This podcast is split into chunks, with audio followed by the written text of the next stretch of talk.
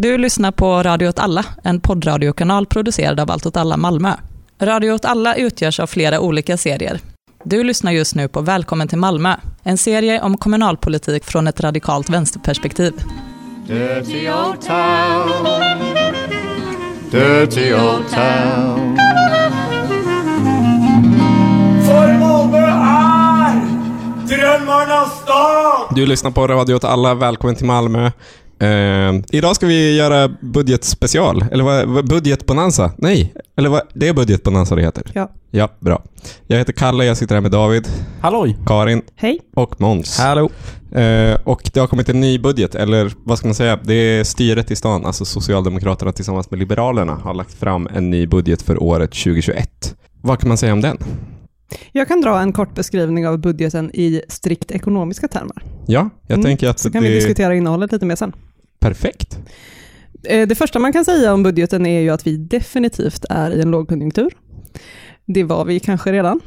Mm. Ja, säkert. Alltså förra året, eller vad menar du? Ja, Ja. eller kanske också året innan det. Ja. Men i, eh, åtminstone i kommunbudgetmått så är vi i alla fall definitivt i en lågkonjunktur nu.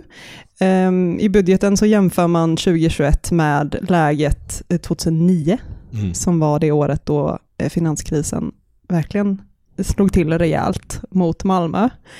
Eh, Och då gör man det i termer av så här, utvecklingen av skatteunderlaget är samma som 2009 typ för 2021. Vet inte, ja, det är lite, lite flyktigt så jag vet inte exakt vad det betyder. Men eh, det man också kan konstatera är att man plockar 320 miljoner från den här resultatutjämningsreserven som man har. Vad är det för någonting? Det är ju en eh, skattkista. Ja.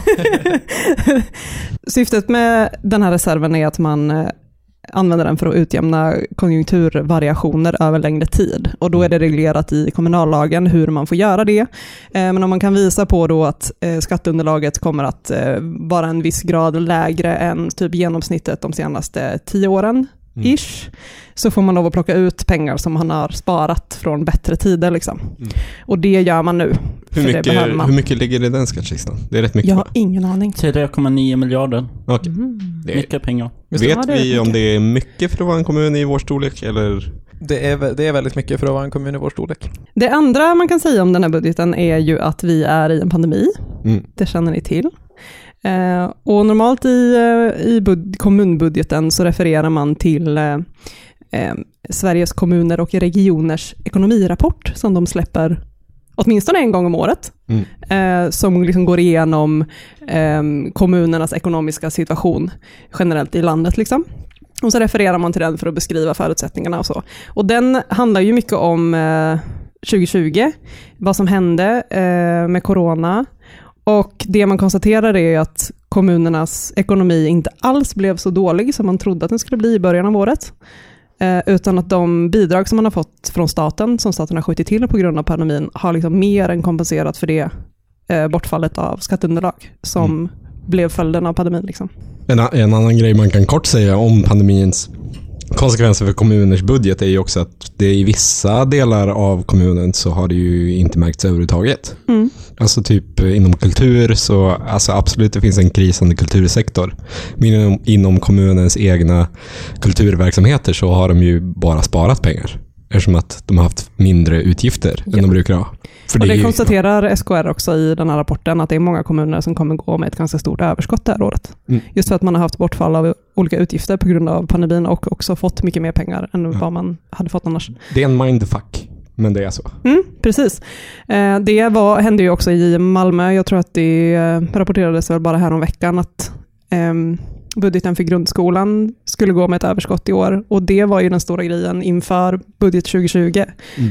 Att man ska ner mycket i grundskolan och till slut blev räddad av riksdagsoppositionen eh, som skär till extra pengar. Så den budgeten, där har man ju gått plus nu liksom, för att man har haft mindre utgifter än man hade räknat med. Eh, Men nu, eh, det- det är ju liksom egentligen bara en parentes, och nu kommer jag läsa direkt ur SKRs ekonomirapport. För att jag tyckte att det här citatet var så belysande. Dilemmat för kommunerna består nu i att hålla tillbaka förväntningarna som ökar till följd av de starka resultaten. För de långsiktiga utmaningar kommunerna hade innan pandemin kvarstår. De måste förhindra att verksamheterna sväller då effektiviseringar måste göras för att klara ekonomin i budgetens sista planår, där det fortfarande blir ett negativt ekonomiskt gap om kostnaderna skulle tillåtas öka i takt med befolkningen.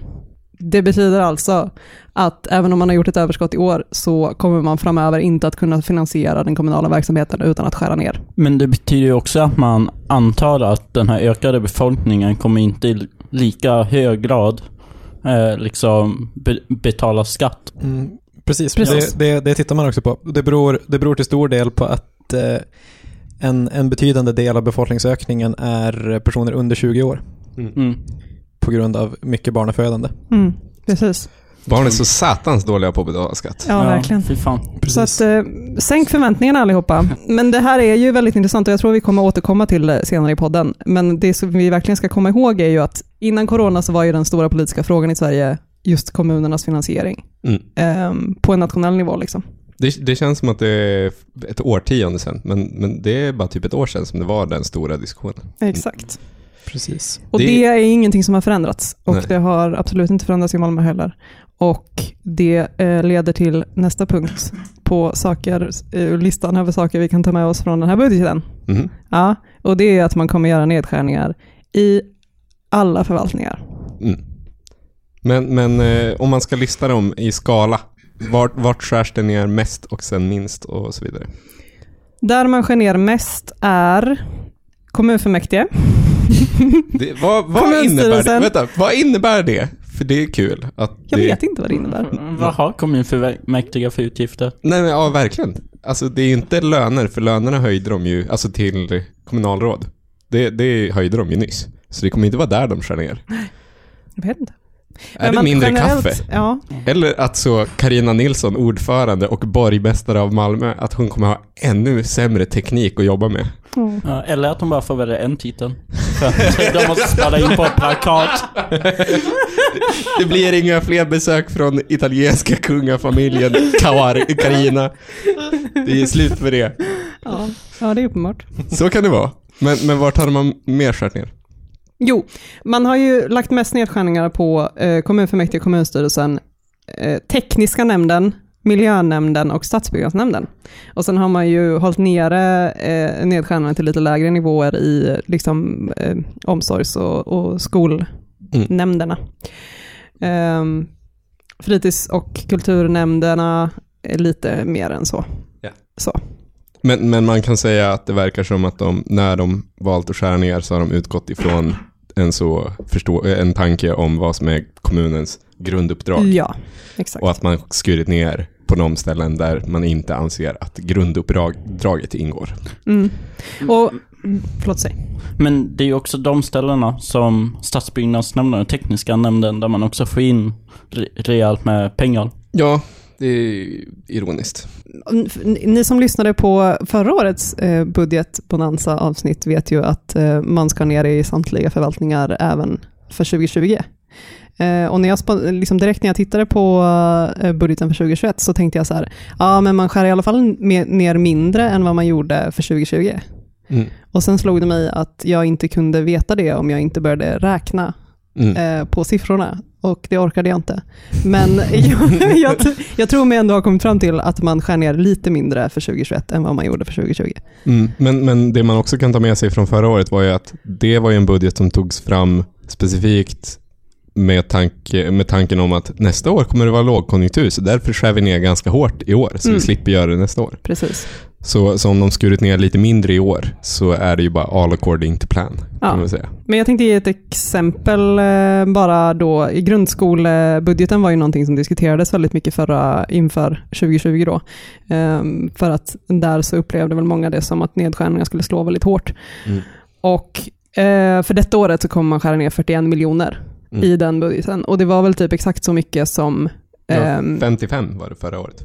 Ja, precis. Och sen så hände det lite olika grejer och så trollade man lite och sen så kom man fram till att vi behöver typ 40 eller 50 miljoner och sen kom riksdagsoppositionen och bara, här får ni de pengarna. Och så Mm. löste sig det liksom. Eh, men så det är ju samma storleksordning som den summan liksom, Mm. som man kommer skära ner. Och, då, och det är ju på en budget som är på drygt 5 miljarder, så det är liksom inte skyhögt, men ändå. Liksom. Ja. En annan parentes som vi borde nämna är ju att man i den här budgeten också eh, finansierar verksamheten med hjälp av en vinstutdelning från MKB med 81 miljoner kronor. Ja, vilket är ju det man har gjort också i alla år nu. Mm. Det följer Ja. ju bara ett mönster. Det var väl 100 miljoner förra året. Det följer ju li- lite ett mönster, men mönstret är ju lite hattigt. För att, eh, det var förra året som man eh, tog ut 130 miljoner, Mm. eller hur? Ja. Och det ju, var ju extremt mycket mer än vad man tagit ut de åren innan. Mm. Eh, sen 2011 när man började ha den här möjligheten att plocka ut vinst från kommunala bostadsbolag eh, Mm. till den kommunala verksamheten, så låg Malmö under ganska många år på typ så 10, 20, 30 miljoner och sen för Mm. 2019 då, eller ja precis, 2019 då så tog man ut 130 miljoner, Mm. vilket var jätte, jättemycket mer. Eh, Men det, det gör inte Malmö till unikt i landet på något sätt, utan Nej. de summorna som kommunerna plockar ut från sina kommunala bostadsbolag, eh, de har ökat de senaste åren och antalet kommuner som, som gör det har också ökat. Typ. Så att Malmö var inte ens värst det året. Liksom. Det Jag tänker att man egentligen, eh, man kanske borde kort klargöra vad som egentligen är fel med att ta ut vinst ur kommunala bostadsbolag. För att, för att det är en sån grej man slentrianmässigt säger och sen inte riktigt förklarar. För att det är en så jävla lame, jävla sosse, vänsterparti Mm. grej att bry sig om. Mm. Det är en väldigt tråkig fråga liksom. Men, men alltså, det man kort kan säga är, det är alltså, man har en kommun som inte riktigt går ihop ekonomiskt eh, och då väljer man att finansiera den med hjälp av att ta ut eh, vinsten från det kommunala bostadsbolaget. Och i det kommunala bostadsbolaget så bor generellt sett de fattigaste som bor i staden. Så det är vinst från deras pengar istället för att bara ta vinst från exempelvis de rika i samhället. Ja. Ja, och det som är ju också lite extra upp, upprörande för i år, eller Mm. nästa år blir det ju, det är att prognoserna är ju också att MKB kommer bygga mycket mindre Ja. eh, lägenheter nästa år jämfört med det här året och de tidiga åren. Mm. Eh, Sydsvenskan skrev att det var den lägsta siffran på sju år. Mm. Ja, så att man, man kan ju se det som, som dubbelbeskattning helt enkelt. Ja. Eh, det, det tänker jag är intressant, för vi, vi har inte kommit in på det än, men vi kan, kanske kommer dit så småningom. Men frågan om hur man ska, hur man ska finansiera den här budgeten. Mm. Eh, dels, dels handlar det såklart om effektiviseringar, eh, men det handlar ju också om i huvudsak två saker. Dels, dels att man gör vinstuttag ur MKB, dels att man ska gå hårdare åt eh, bidragsfuskare och minska Ja, i och för sig minska, minska bidragstagandet överlag. Man har ju lite olika metoder för det. Men, men det stora paradnumret är att man med hjälp av mer digitalisering Mm. eh, ska, och mer automatisering ska få ner antalet personer som, som eh, får, får bidrag från kommunen utan att de så att säga förtjänar det. Mm. Eh, vad man däremot är extremt tydlig med är att man inte under några omständigheter vill höja kommunalskatten. Nej. Mm. Mm. Eh, det, det här står liksom, liksom uttalat. Mm. Att, att eh, man gör de här insatserna just därför. Och då, ur det perspektivet är det intressant, intressant att den här inte helt obetydliga summan faktiskt kommer från, Ja, Ja. Mm. från, från den här indirekta formen av beskattning. Mm, verkligen. Och det är ju eh, fortfarande som sagt jätt, alltså, mindre än förra året, men väldigt mycket mer än tidigare år. Liksom. Och väldigt mycket mer än vad man tänkte 2011 när man instiftade en lag som tillät kommuner att göra så här överhuvudtaget. Mm. Ja, Det är, antagligen. ja. Det är en ganska, det är en ganska intressant fråga egentligen, varför det har, varför det har ökat så pass. För att precis som, som du sa så, så är ju knappast Malmö ensamma Nej. och absolut inte värst heller. Man kan ju dels tänka att ja, det kanske helt enkelt är så att allmännyttan går med mer vinst för att Mm. man har hittat mycket bättre sätt att göra det på. Mm. Typ höja hyrorna drastiskt och Mm. ja, Mm. ni vet. Verkligen. Eh, så att det helt enkelt finns mer pengar att ta av. Ja. Eh, det kan också vara en, en, sån, en, en fråga om en så helt självförstärkande spiral, att när man plötsligt börjar upptäcka att det finns en ficka med pengar Mm. så kommer man att utnyttja den så, Mm. så långt det går. Liksom. Ja, om man gör sig Oavsett vad man tänkte beroende av den. Mm. Ja, precis, precis. Och sen att det, att det också hänger ihop med att kommunerna har finansieringsproblem. Ja, verkligen. Det måste ju vara en kombination, men det är också intressant hur man ser på mm, det kommunala bostadsbolagets vara och syfte. Liksom. Mm. Eh, För när man, de som argumenterar för att man borde plocka ut vinsten och använda i kommunal verksamhet tycker ju att så här, nej men det här är ju vår, allas vår gemensamma eh, resurs. Mm. Och, och därför ska vinsterna tillfalla hela kommunen. Liksom. Det är ju inte en, det är inte en lögn direkt. Det är ju ett eh, resonemang som håller. Sen är det ju fel. Men Ja, men det kanske förskjuter eh, liksom hur man ser på det kommunala bostadsbolaget snarare som ja, men en, en eh, genererande av, Ja. av kapital. det hade, li, det hade lika än ett gärna, bostadsbolag, ja, det liksom. hade lika gärna kunnat vara typ att Malmö stad ägde fett mycket restauranger som det gick jävligt bra för. Ja, eller jättemycket aktier Ja. Ja, för den delen. Alltså det, det är egentligen samma tänk. Mm. Ja. Men, men eh, alla de här pengarna som ligger i det här resursutjämningssystemet, eller vad det heter, skattkistan, vart kommer de ifrån? Det är ju att man har haft några bra år när man har gjort ett överskott och då har man lagt dem där. Ja. Så det är liksom olika förvaltningar inom Mm. kommunen som lyckas gå plus. Mm. och sen så tar man det överskottet och har in det i en lada eller skattkista eller någon sån där Ankeborg. Malmö stad-ladan. Ja. Binge hörde jag någon säga. En bing. Pengabinge. Eh, Jag har en till eh, punkt som vi eh, bör ta med oss från den här budgeten och den berör lite det du var inne på Måns Mm. med socialförvaltningen. För det är ju liksom en historia för sig självt egentligen, men vi lägger in den här för det är ju relaterat.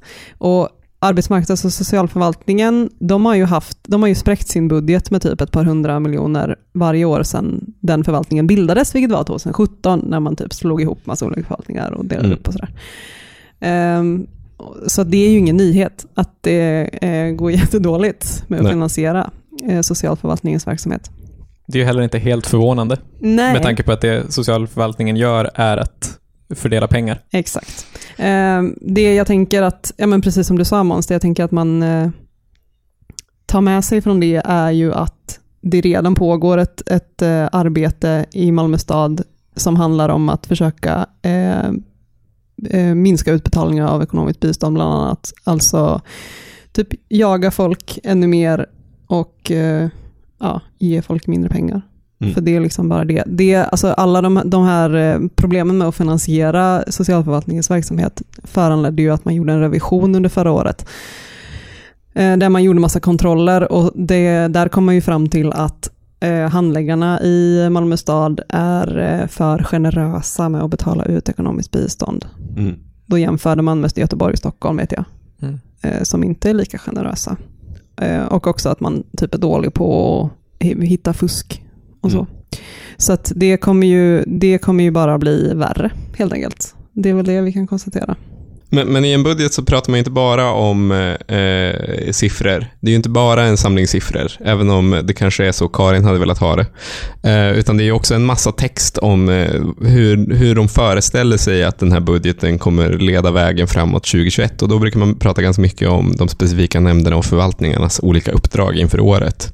Ska vi, ska vi prata om hur, hur de tänker att till exempel tekniska nämnden, som alltså får den, en nedskärning, hur de ska ta, eh, ta sig an det och sköta 2021. Då pratar man bland annat om att de ska utforska citattecken möjligheten för att Möllevången ska bli ett superkvarter. Vad fan betyder det? Alltså, det, det är du som älskar Barcelona. Ja, okej då. Jag tar den bollen. Jag kastar upp den och tar den själv. Ett- Men, men jag läste ju det och tänkte att det var ju jättekul, för det är ett kul ord. Och det är kul att Malmö stad kallar olika saker för super hela tiden. Att man ska bygga supercykelstråk, att man har en superbuss som bara är som en vanlig buss fast lite längre. Uh, ja, så då tyckte jag det var kul och sen kom jag på att det betyder egentligen, alltså det är ett så stadsplaneringsbegrepp som kommer från Barcelona och handlar bara om att det är ett kvarter utan biltrafik i. Uh, jag hade ju planer på att ringa Andreas Schönström från tekniska nämnden. Alltså, uh, det blir alltid bäst om det är en sosse bakom ratten, Andreas. Och intervjua honom om, om, om hur han ser framför sig superkvarteret Möllevången. Och sen kom jag fram till att det hade varit skittråkigt för han hade bara sagt eh, utan bilar. Det hade inte alls varit så kul som det var i mitt huvud. men, men så ett superkvarter på Möllan, det, det, det ska tekniska nämnden utforska om det är möjligt. Ja, det är ju lite roligt för de försökte ju ett tag att stänga av biltrafiken på Södra Förstadsgatan. Mm. Eh, och satte ut massa så här fåniga parkbänksaktiga möbler. De var inte fåniga, de var jättefina. Ja, ja, ja visst. Eh, men man gjorde det som ju, sträckan just framför Triangel, alltså varuhuset. Eh, och hade det, det bara pågick några månader, för sen så blev som kritiken väldigt stor från alltså Moderaterna och Sverigedemokraterna plus ett gäng handlare. Och då tog man bort dem. Så min, min farhåga med det här det är ju att man kommer ju stänga av biltrafiken på några utvalda ställen på Möllan. Och sen så kommer en massa bilister bara råka och så kommer man, alltså att beteendet att använda de här ytorna inte riktigt kommer fram. Det, men man märker ju också väldigt tydligt att det bara är en liten, en liten eh, olivkvist till Miljöpartiet. Mm. För, för det finns ju ingen i Malmö stad som pratar om ett superkvarter, förutom Miljöpartiet som brinner för det begreppet. Det är ganska ofta så när man läser budgetar att, att det kommer upp ett begrepp som man så, men det där är ett så Miljöpartiet-begrepp. Jag har aldrig hört det från någon annan än Märta Stenevi. Men nu, nu, nu är det här. Så ofta man har tänkt den tanken. Så ofta jag har tänkt den tanken i alla fall. Men, men eh, att, det, att det verkligen bara är så. De får en liten symbolisk grej. Liksom. Så har det varit med så, fan heter det, huvudgatu, sp- stråk, nej, fuck. Stadshuvudgata. Stadshuvudgatan är ju ett annat sånt begrepp som ingen riktigt vet vad det betyder. Ingen riktigt bryr sig. Men det är ett begrepp som man säger att man vill använda bara för att göra vissa individer lite nöjda. Så att man håller uppe någon slags allians inom kommunen. V- vad, jag, vad jag tänkte på där, det är att det här så uppenbart bara är ett sätt att säga vi vill stänga Ystadgatan för biltrafik, Ja. fast med ett mänskligt ansikte. Och det, Det, det mänskliga ansiktet, super. Ja, ja men typ, typ. Och det förvånade mig lite grann att de var så himla sådär diffusa med det. Ja, det är också kul med, med superkvarteret Möllan är ju att man har ju försökt, som vi pratade om innan, en annan sån är i Simrishamnsgatan där man satt ut en jättemysig bänk som, som var mer som en säng. Liksom. Sen började ju hemlösa sova på den och grejer. Så då bytte man ut dem med lite fula klossar i plywood. Så, så det här med liksom, superkvarteret, det är ju också det kommer ju vara en Ja. konfliktzon vad som är ett superkvarter. Ja, Ja, men min gissning är att det kommer få samma, eh, samma eh, geografiska gränser som där ordningsvakterna kommer patrullera. Ja. Bara för att säkerställa Snyggt. att ingen sover. Mm. Eh, har ni, eh, nu, nu lägger jag upp ett skämt här. Eh, jaha, Möllevången ska gå från ett kvarter där man super till ett superkvarter. Aha. Två av fem. Två av fem. Ja, verkligen. bra. Eh, ja, men en annan punkt som stod lite som stod lite dold i den här budgeten. Det var ju att uh, Malmö stad ska ta fram ett planprogram för. Sofielund. Kom igen! Så här kan du inte Nej, göra. men nu skrattar jag åt att den här punkten skulle stå dolt i budgeten. jag tror inte det. Det var inte jättedolt, men det, Det, var är som att liksom- allting i budgeten är dolt för att man absolut egentligen inte vill läsa den. För mig tyckte jag, jag tyckte det var mycket som stod mellan raderna för att jag inte läste så noggrant. Exakt. Hmm, tror det det är mer subtext? det som har hänt. Ja. Men absolut, fortsätt David. Ja, så de ska ta fram ett planprogram för Sofielund och det är, kan man ju tycka, det här är inte så kontroversiellt. Men vad som ingriper Sofielund, det är ju inte bara det som gemene människa tänker är Sofielund, alltså de här bostadskvarteren, utan det är också Norra Grängesberg som är i Sofielunds industriområde. NGBG, Malmös coolaste gata. Japp. Och detta är ju kvarter där vi har ju en massa olika konstiga verksamheter. Mm. Men också till exempel Plan B. Mm. Och Pågans. Ja, och eh, Pågans har ju varit lite på, vad säger man, strids... Det, var ju om, det har ju varit omtvistat och de har Ja. varit på krigsstigen. Ja, krigsstigen, där har vi det. Ja, och de har ju till och med fått, eh, eh, fått igenom att de ska få utöka Pågans Mm. eh, fabriken in på den här parken som ligger i Kloss. Eh, som ingen vet vad namnet, alltså Nej, den Den parken... mot Lönngården. Ja, parken bakom kontrapunkt.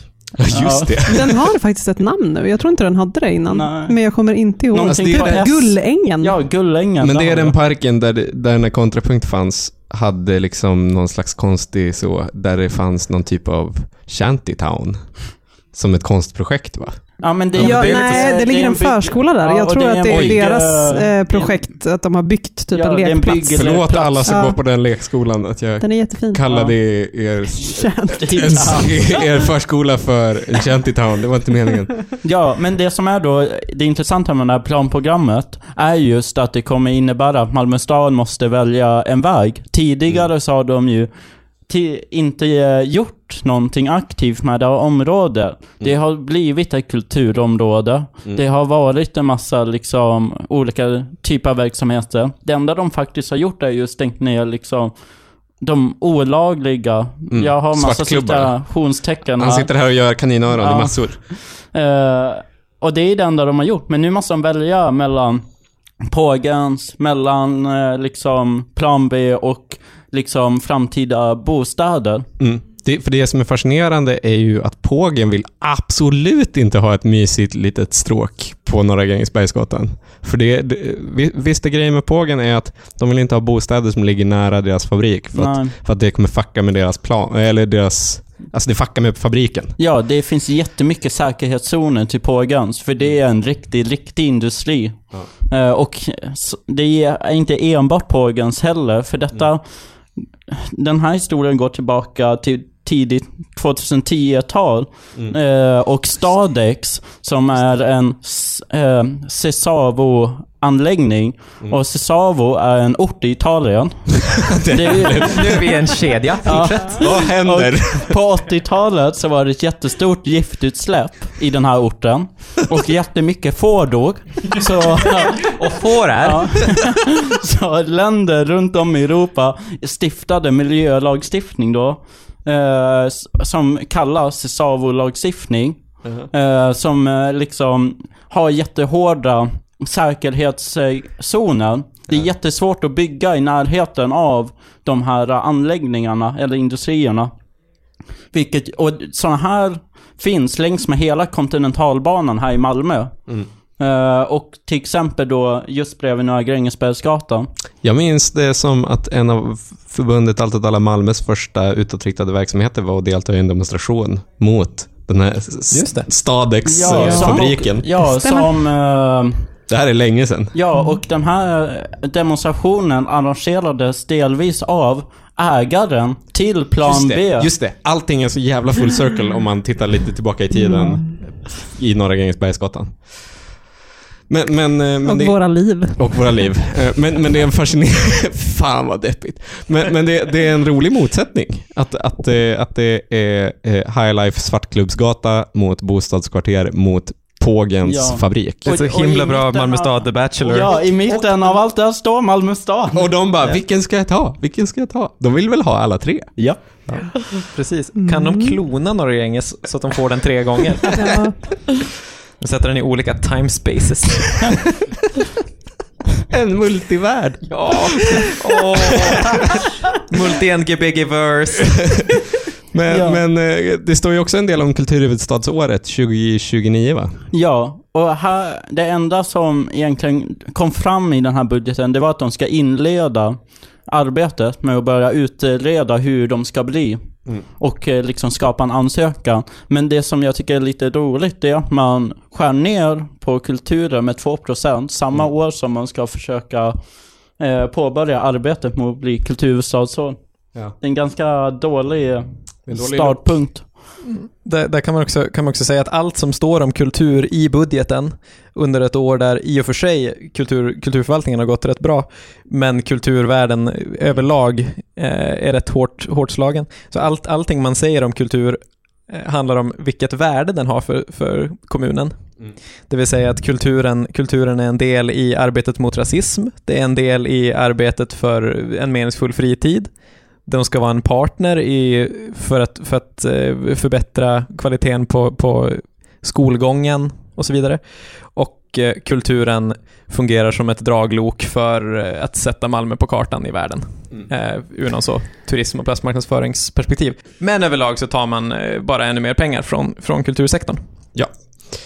Samtidigt som regionen också skär ner. Jag, jag har inte sett regionsbudgeten, men jag tänker att den kan man ju också läsa. För det är de som brukar skära ner i kultur. För att det är ju de som faktiskt har fingrarna i den sylten mest av alla. Ja, precis, och det är, också, det är också de som har kulturen mest som sin sådana ursäkt för att göra andra saker. Ja, vem är taggad på att läsa regionbudgeten? Inte Jag är, jag. taggad, jag är taggad på att rösta KD i nästa val för att få bort dem.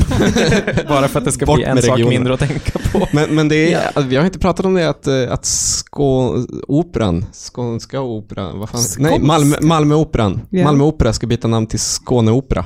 Eller något liknande. Det känns som att det är långt ute i periferin av vårt bry sig. Ja, men, eh, Ja, men det är för att regionen tar över verksamheten, förstår ni? Jag vet, det, det är ganska roligt. Och så är det inte så att det är jätteförvirrande för att det redan finns något annat som heter Ja. Skåneoperan. Just Och att det redan finns så Skånes dansteater och det, sådana saker. Det känns extremt mycket som att det är någon från typ Helsingborg som är förbannad över att regionen ska finansiera något som heter Malmö. Ja. Klingar väldigt annorlunda. Skåneoperan, ja. Det är, Ja. Plötsligt tänker man, här kommer det vara buskis. Kul. Du tänker Nöjesteatern. Ja. Hasse Kvinnaböske kommer spela Tosca. Åter från de döda höll jag på att säga. Men det är inte alls sant. Yes, i förra avsnittet så snackade vi om MKB på grund av frågan om Limhamns sjöstad. Jag ville komma in med lite fart efter det där. Efter Eh, Hasse Kvinnaböske. Ja, pre- precis, precis. Och så tappade jag tråden på en gång. Eh, hur som helst, i det avsnittet så var vi lite cyniska och tänkte sossarna kommer att driva igenom någonting som gör att fattiga människor inte får bo hos MKB längre. Mm. Eh, och så vidare. Och nu har man ju faktiskt kommit med ett förslag på eh, lite mellan raderna hur man ska få bort fattiga människor ur Limhamns sjöstad. Mm. Eh, det, det man har sagt är eh, så här, att det byggs en massa nya bostäder som är ganska dyra eh, och som folk inte vill bo i. Dels för att de är ganska dyra, men också för att de har så här ny lägenhetsstandard och inte är mysiga som en gammal mellanlägenhet. Typ. Mm. Eh, så det, det, man, det man inser är att vi måste få personer som bor i gamla lägenheter att flytta till nybyggnation istället, eftersom de har råd med det. Eh, och framförallt för att personer som är fattigare än de som har bott hos oss länge ska Mm. kunna komma in i dem, Just de billigare lägenheterna. Helt enkelt idén om flyttkedjor. Vad är en Eh, flyttkedja? Snabbt. Att när en person flyttar ut ur en lägenhet så lämnas den platsen öppen till någon annan som kan flytta in där istället. Och tanken Det är ju ett sätt att argumentera för att när man bygger nya bostäder som är väldigt, väldigt dyra, Mm. eh, så ska det liksom leda till att, att folk som har råd med dem flyttar dit och då blir deras lite billigare lägenheter eh, lediga och då Mm. flyttar någon som, och så- så ska det gå hela vägen ner till de som har kanske lägst inkomster och bor billigast. Ja. Ska liksom, att, ja, det Ja. genererar en, en Malmö stad gör- kedjeeffekt. Och det, det har varit Malmö stads strategi vad Ja, gäller Exakt. Det, bostadsbygge. det är så man har tänkt nu när man har byggt de här dyra lägenheterna. Och då Som- kommer det liksom även andra människor till del. Mm. Även de som faktiskt inte kan bo i de jättedyra nya lägenheterna. Precis, precis. Och det, det som eh, man ju nu har upptäckt är att väldigt många kan inte bo i de, de här dyra lägenheterna, även bland folk som tjänar ganska bra med pengar. Eller om de kan så vill de inte för att det tar en för stor del av deras inkomst. Och Malmö stad har väl gjort en egen utredning som kom fram till att flyttkedjor är bullshit. Eh, inte, inte precis. Nej, Däremot, det precisa ordet bullshit. däremot, däremot har de kommit fram till att den tolkningen av flyttkedjor Mm. som Karin redogjorde för så stiligt alldeles nyss Mycket inte stämmer. Eh, därför att flyttkedjor fungerar i huvudsak horisontellt. Mm. Det vill säga att om du bygger en tvåa Mm. så kommer, du, kommer det att uppstå en flyttkedja bland tvåor. Ja. Eh, och framförallt om bland tvåor i ungefär samma prisklass i ett område med ungefär samma socioekonomiska status. Så, så folk Eh. flyttar, men det skapas inte den här coola vertikala Nej, kedjan. precis. Därför att det är ju nämligen, som man kan föreställa sig, så är det inte så att en person som betalar 4 000 i månaden för en tvåa kommer inte att flytta till en tvåa för 8 000 bara för att den är ledig. Nej. Eh, alltså det säger sig självt någonstans. Ja. Eh, att det här in, åtminstone inte är liksom en storskalig politik som fungerar. Mm. Eh, så att när, när, man nu, när man nu genomför det här förslaget, eller om man genomför det, så kommer det innebära att personer som har bott hos MKB länge, eh, jag vet inte om det är specifikt eh, familjer eller alltså flerpersonshushåll, men det är hur som helst de man pratar om, alltså i retoriken kring det, eh, ska kunna få eh, är det hyresreduktioner de ska få Mm. Ja. när de flyttar till Mm. nybyggnation? Rabatt, tror jag man precis, kallar det. Precis. Eh, för att de ska lämna sina billigare lägenheter Mm. till förmån för de här dyrare. Och då tänker man att då kommer det, det... Dels kan man då fylla upp de här nya lägenheterna så att man inte måste stoppa in en massa fattiga personer i dem Mm. för att fylla ut dem. Och å andra sidan kan personer med lägre inkomst flytta in i de gamla lägenheterna. Eh, och det, det här är ju ett ganska, det är ett, ett ganska konstigt argument egentligen när man pratar om just flyttkedjor. Mm. För att med flyttkedjor så brukar man ju prata om, om eh, nybyggnation. Det vill Ja. säga att man tillför någonting till beståndet så att det kan öppnas, öppnas luckor. Mm. Här tillför man ju inte egentligen någonting. Så att det är ju som matematiskt omöjligt att det ska uppstå en kedja av vakanser. Mm. Liksom. Eh, det man istället gör är ju helt enkelt att man genom att byta ett bidragsgrundat eh, boende mot ett annat Mm. Mm. byter plats på folk. Mm. Eh, och, så att även, även, om man, eh, även om man absolut kanske, eller ja, jag ska nog säga, borde tycka att det här är ett bättre, en bättre lösning än det som kanske Moderaterna skulle ha genomfört i samma Mm. läge, det vill säga att helt enkelt förbjuda ekonomiskt bistånd som, som eh, inkomst för personer som ska hyra av MKB, Mm. eh, så ska man ju verkligen ta den där retoriken med en stor nypa salt. Mm. Men, men eh, det är ju generellt fascinerande med liksom den här budgeten, eller generellt med kommunbudgetar, att det inte är en mycket större politisk fråga, kanske framförallt i kommunen i sig, i, i den lilla staden Malmö, att inte fler att, inte, att folk inte brinner för det här. Eller ja, okej, det är ett skittråkigt dokument, men, men ni fattar vad jag menar. Att, för det här är väldigt vardagsnära frågor som berör en själv personligen på ett sätt som politik oftast inte gör. Men också för att det faktiskt handlar om så enorma summor pengar och det handlar om så enormt stora politiska frågor som ofta inte riktigt bara har med kommunen att göra, utan som är mycket större. Jag tänker på typ att ingen kommun vågar höja skatten på grund av eh, ny, så institutionaliserad nyliberalism och för att man måste konkurrera i låg skatt mot andra kommuner och sådana saker. Så ingen, ingen bara gör det, trots att alla egentligen vill det. Eh, man vill bara så, Staffanstorp, sluta fucka med oss. Eh, eh, men men hur, hur kan det komma sig? För det var ändå, för ett år sedan typ, så var, eh, vi snackade om det, så var det ju en stor fråga, men det var inte en stor fråga, det var liksom inte den stora, det var inte det enda.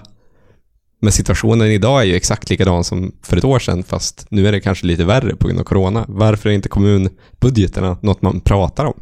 Det är ju så, det är en så jävla krånglig fråga på något sätt. För å ena sidan så är den ju precis som du säger, den är ju ständigt närvarande och har jättestor betydelse liksom. Eh, samtidigt så är den, den är ju, den är ju mossig Ja. på ett sätt. Alltså, för att den, den, är, den är bara indirekt Mm. eh, förknippad med eh, liksom vanliga människors liv. Mm. Eh, och sen är det det, det där också att eh, som jag inte insåg, men som Karin insåg betydligt bättre, att, den är så, att konfliktlinjerna i den här frågan är så jävla röriga. Mm.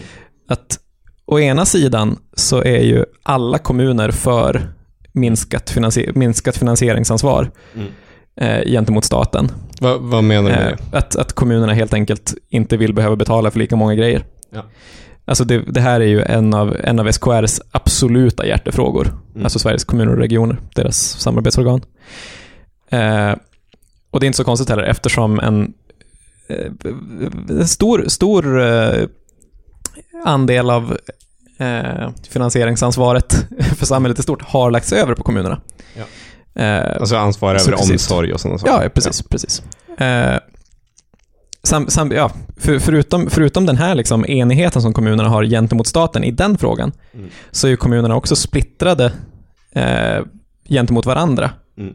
Därför att som man också kan se om man öppnar liksom vilken regional tidning som helst, så, så finns det ju den här, precis, precis som, som, eh, som att länder inte vill baila ut varandra, liksom, Mm. så finns det också den här utspridda idén om att kommuner som inte kan eh, sköta sin egen försörjningsbörda inte heller är förtjänta av mer pengar. Mm. Eh, och här är ju Malmö kanske det yttersta exemplet liksom, som tas upp av kommuner i hela landet. Mm. Att an, antingen så gnäller man på att, på att man måste försörja hela det fattiga Norrlands inland, liksom, Mm. vilket ju är en lögn sedan länge. Mm. Eller så, så eh, gnäller man på att man måste försörja Malmö. Att det, att det finns någon, så här att, att statens daltande med vissa kommuner genom det här utjämningssystemet har låtit dem bara leva högt och leva gott och vansköta sin politik. På Mm. samma sätt som man antar att, att bidragstagare lär sig att, jag vet inte vad, vända på dygnet och gå med magväska. Ja, typ. eh, att Mal Malmö är liksom det. Eh, så det finns ju ingen enighet på det sättet. Nej. Och, och i, i staten, alltså, eller i riksdagen, så verkar det som att det här är en fråga man bryr sig om så länge man är i opposition. Mm. Och när man inte är i opposition så skiter man i det. Liksom. Mm. Det- Det, är ganska, det är ganska talande faktiskt att det var oppositionen som drev igenom det här i våras. Mm. Att man skulle eh, öka bidragen tillfälligt. Att, att det är en så populär men opportunistisk grej att göra, typ. Ja, precis. Och som, som är svår att, så här, svår att göra till en jättevalfråga som det Mm. borde vara. Ja. Eftersom den har jättestora konsekvenser för allt annat som vanligtvis är stora valfrågor. det är trots allt till kommunen man betalar merparten av sin skatt till exempel. Ja. Eh, och om den inte, inte har råd att leverera service för den skatten så är det rätt problematiskt. I den här budgeten så pratar man mycket mot staten också. Mm. Alltså att budgeten används också som ett verktyg för att säga det här är inte vårt fel. Staten måste öka bidragen igen. Ja. Det kommer liksom under praktiskt taget alla punkter i Mm. budgeten. Ja, jag tänker man kan ju se de här budgetarna som liksom ett förspel inför valet. Alltså att eh, de politiska partierna använder ju den här budgeten för liksom att mer, mm, ja, mer direkt och mer indirekt liksom eh, alltså positionera sig mot varandra. Men sen tänker jag också att det som vi var inne på när vi pratade om socialförvaltningen i Malmö till exempel, att eh, stora delar av den kommunala välfärden berör liksom grupper av personer som är i dagens politiska klimat eh, inte så populärt att bry sig om. Liksom. Alltså Nej, absolut. det är kostnader som, eh, som det finns en, en politisk dimension av det som, man, som är att så här, de personerna som kanske framförallt får hjälp av kommunen eh, är tärande på samhället och inte är förtjänta av hjälp. Typ. Och att Mm. människor inte får kosta pengar generellt. Och att det är ganska förhärskande. Det kommer ju in och stör väldigt mycket om man skulle ha en sån diskussion kring eh, liksom finansieringsansvaret av välfärden också. Liksom. Mm, absolut. Där, där tycker jag att det är talande att, att så här, de, de stora statliga bidragssystemen som har varit på tapeten, Mm. eh, inte nödvändigtvis de största, eh, men de som har varit mest, mest liksom omdiskuterade och mest omfamnade också av, av staten. Det är såna här, ja men typ RUT och ROT eller olika, olika finansieringssystem för grön omställning och alltså den sortens saker. Eh, så bi- bidrag som riktar sig till, till grupper eller personer som är liksom helt önskade Mm. och fu- full, fullständigt bekväma. Medan man lämnar, lämnar det besvärliga mot, åt kommunerna. Liksom. Så, så årets budgetbonanza är över, men eh, om en månad så kommer vi tillbaka med skuggbudgetspecialer som egentligen är lite fetare, för det är där man får höra från de partierna som egentligen inte har någon makt och därför inte behöver bry sig. Så det är där man kommer få höra om så eh, Centerpartiets idé om att ha flytande restauranger i kanalen och sådana saker. Det är sjukare och bättre. Det, är, är, vilken skuggbudget är ni taggade på? Karin kommer säga SD för att, eh, för att så var det förra året och det var, det var eh, Nej, det var inte så. Jag blev tilldelad SD. Alltså jag kommer väl ihåg, det var du som bara, Karin tar SD. Men det var fett. Du, bara, tar... du blev så jävla Centern. arg. Ja, det var faktiskt... Ja, Men ska vi göra en rockad den här året? Du Vem, vet. vem tar vad? Jag tog Centerpartiet sist, jag tar er gärna igen. Jag gillar båtar med mat på. Dirty old town. Och härmed så säger jag bye bye.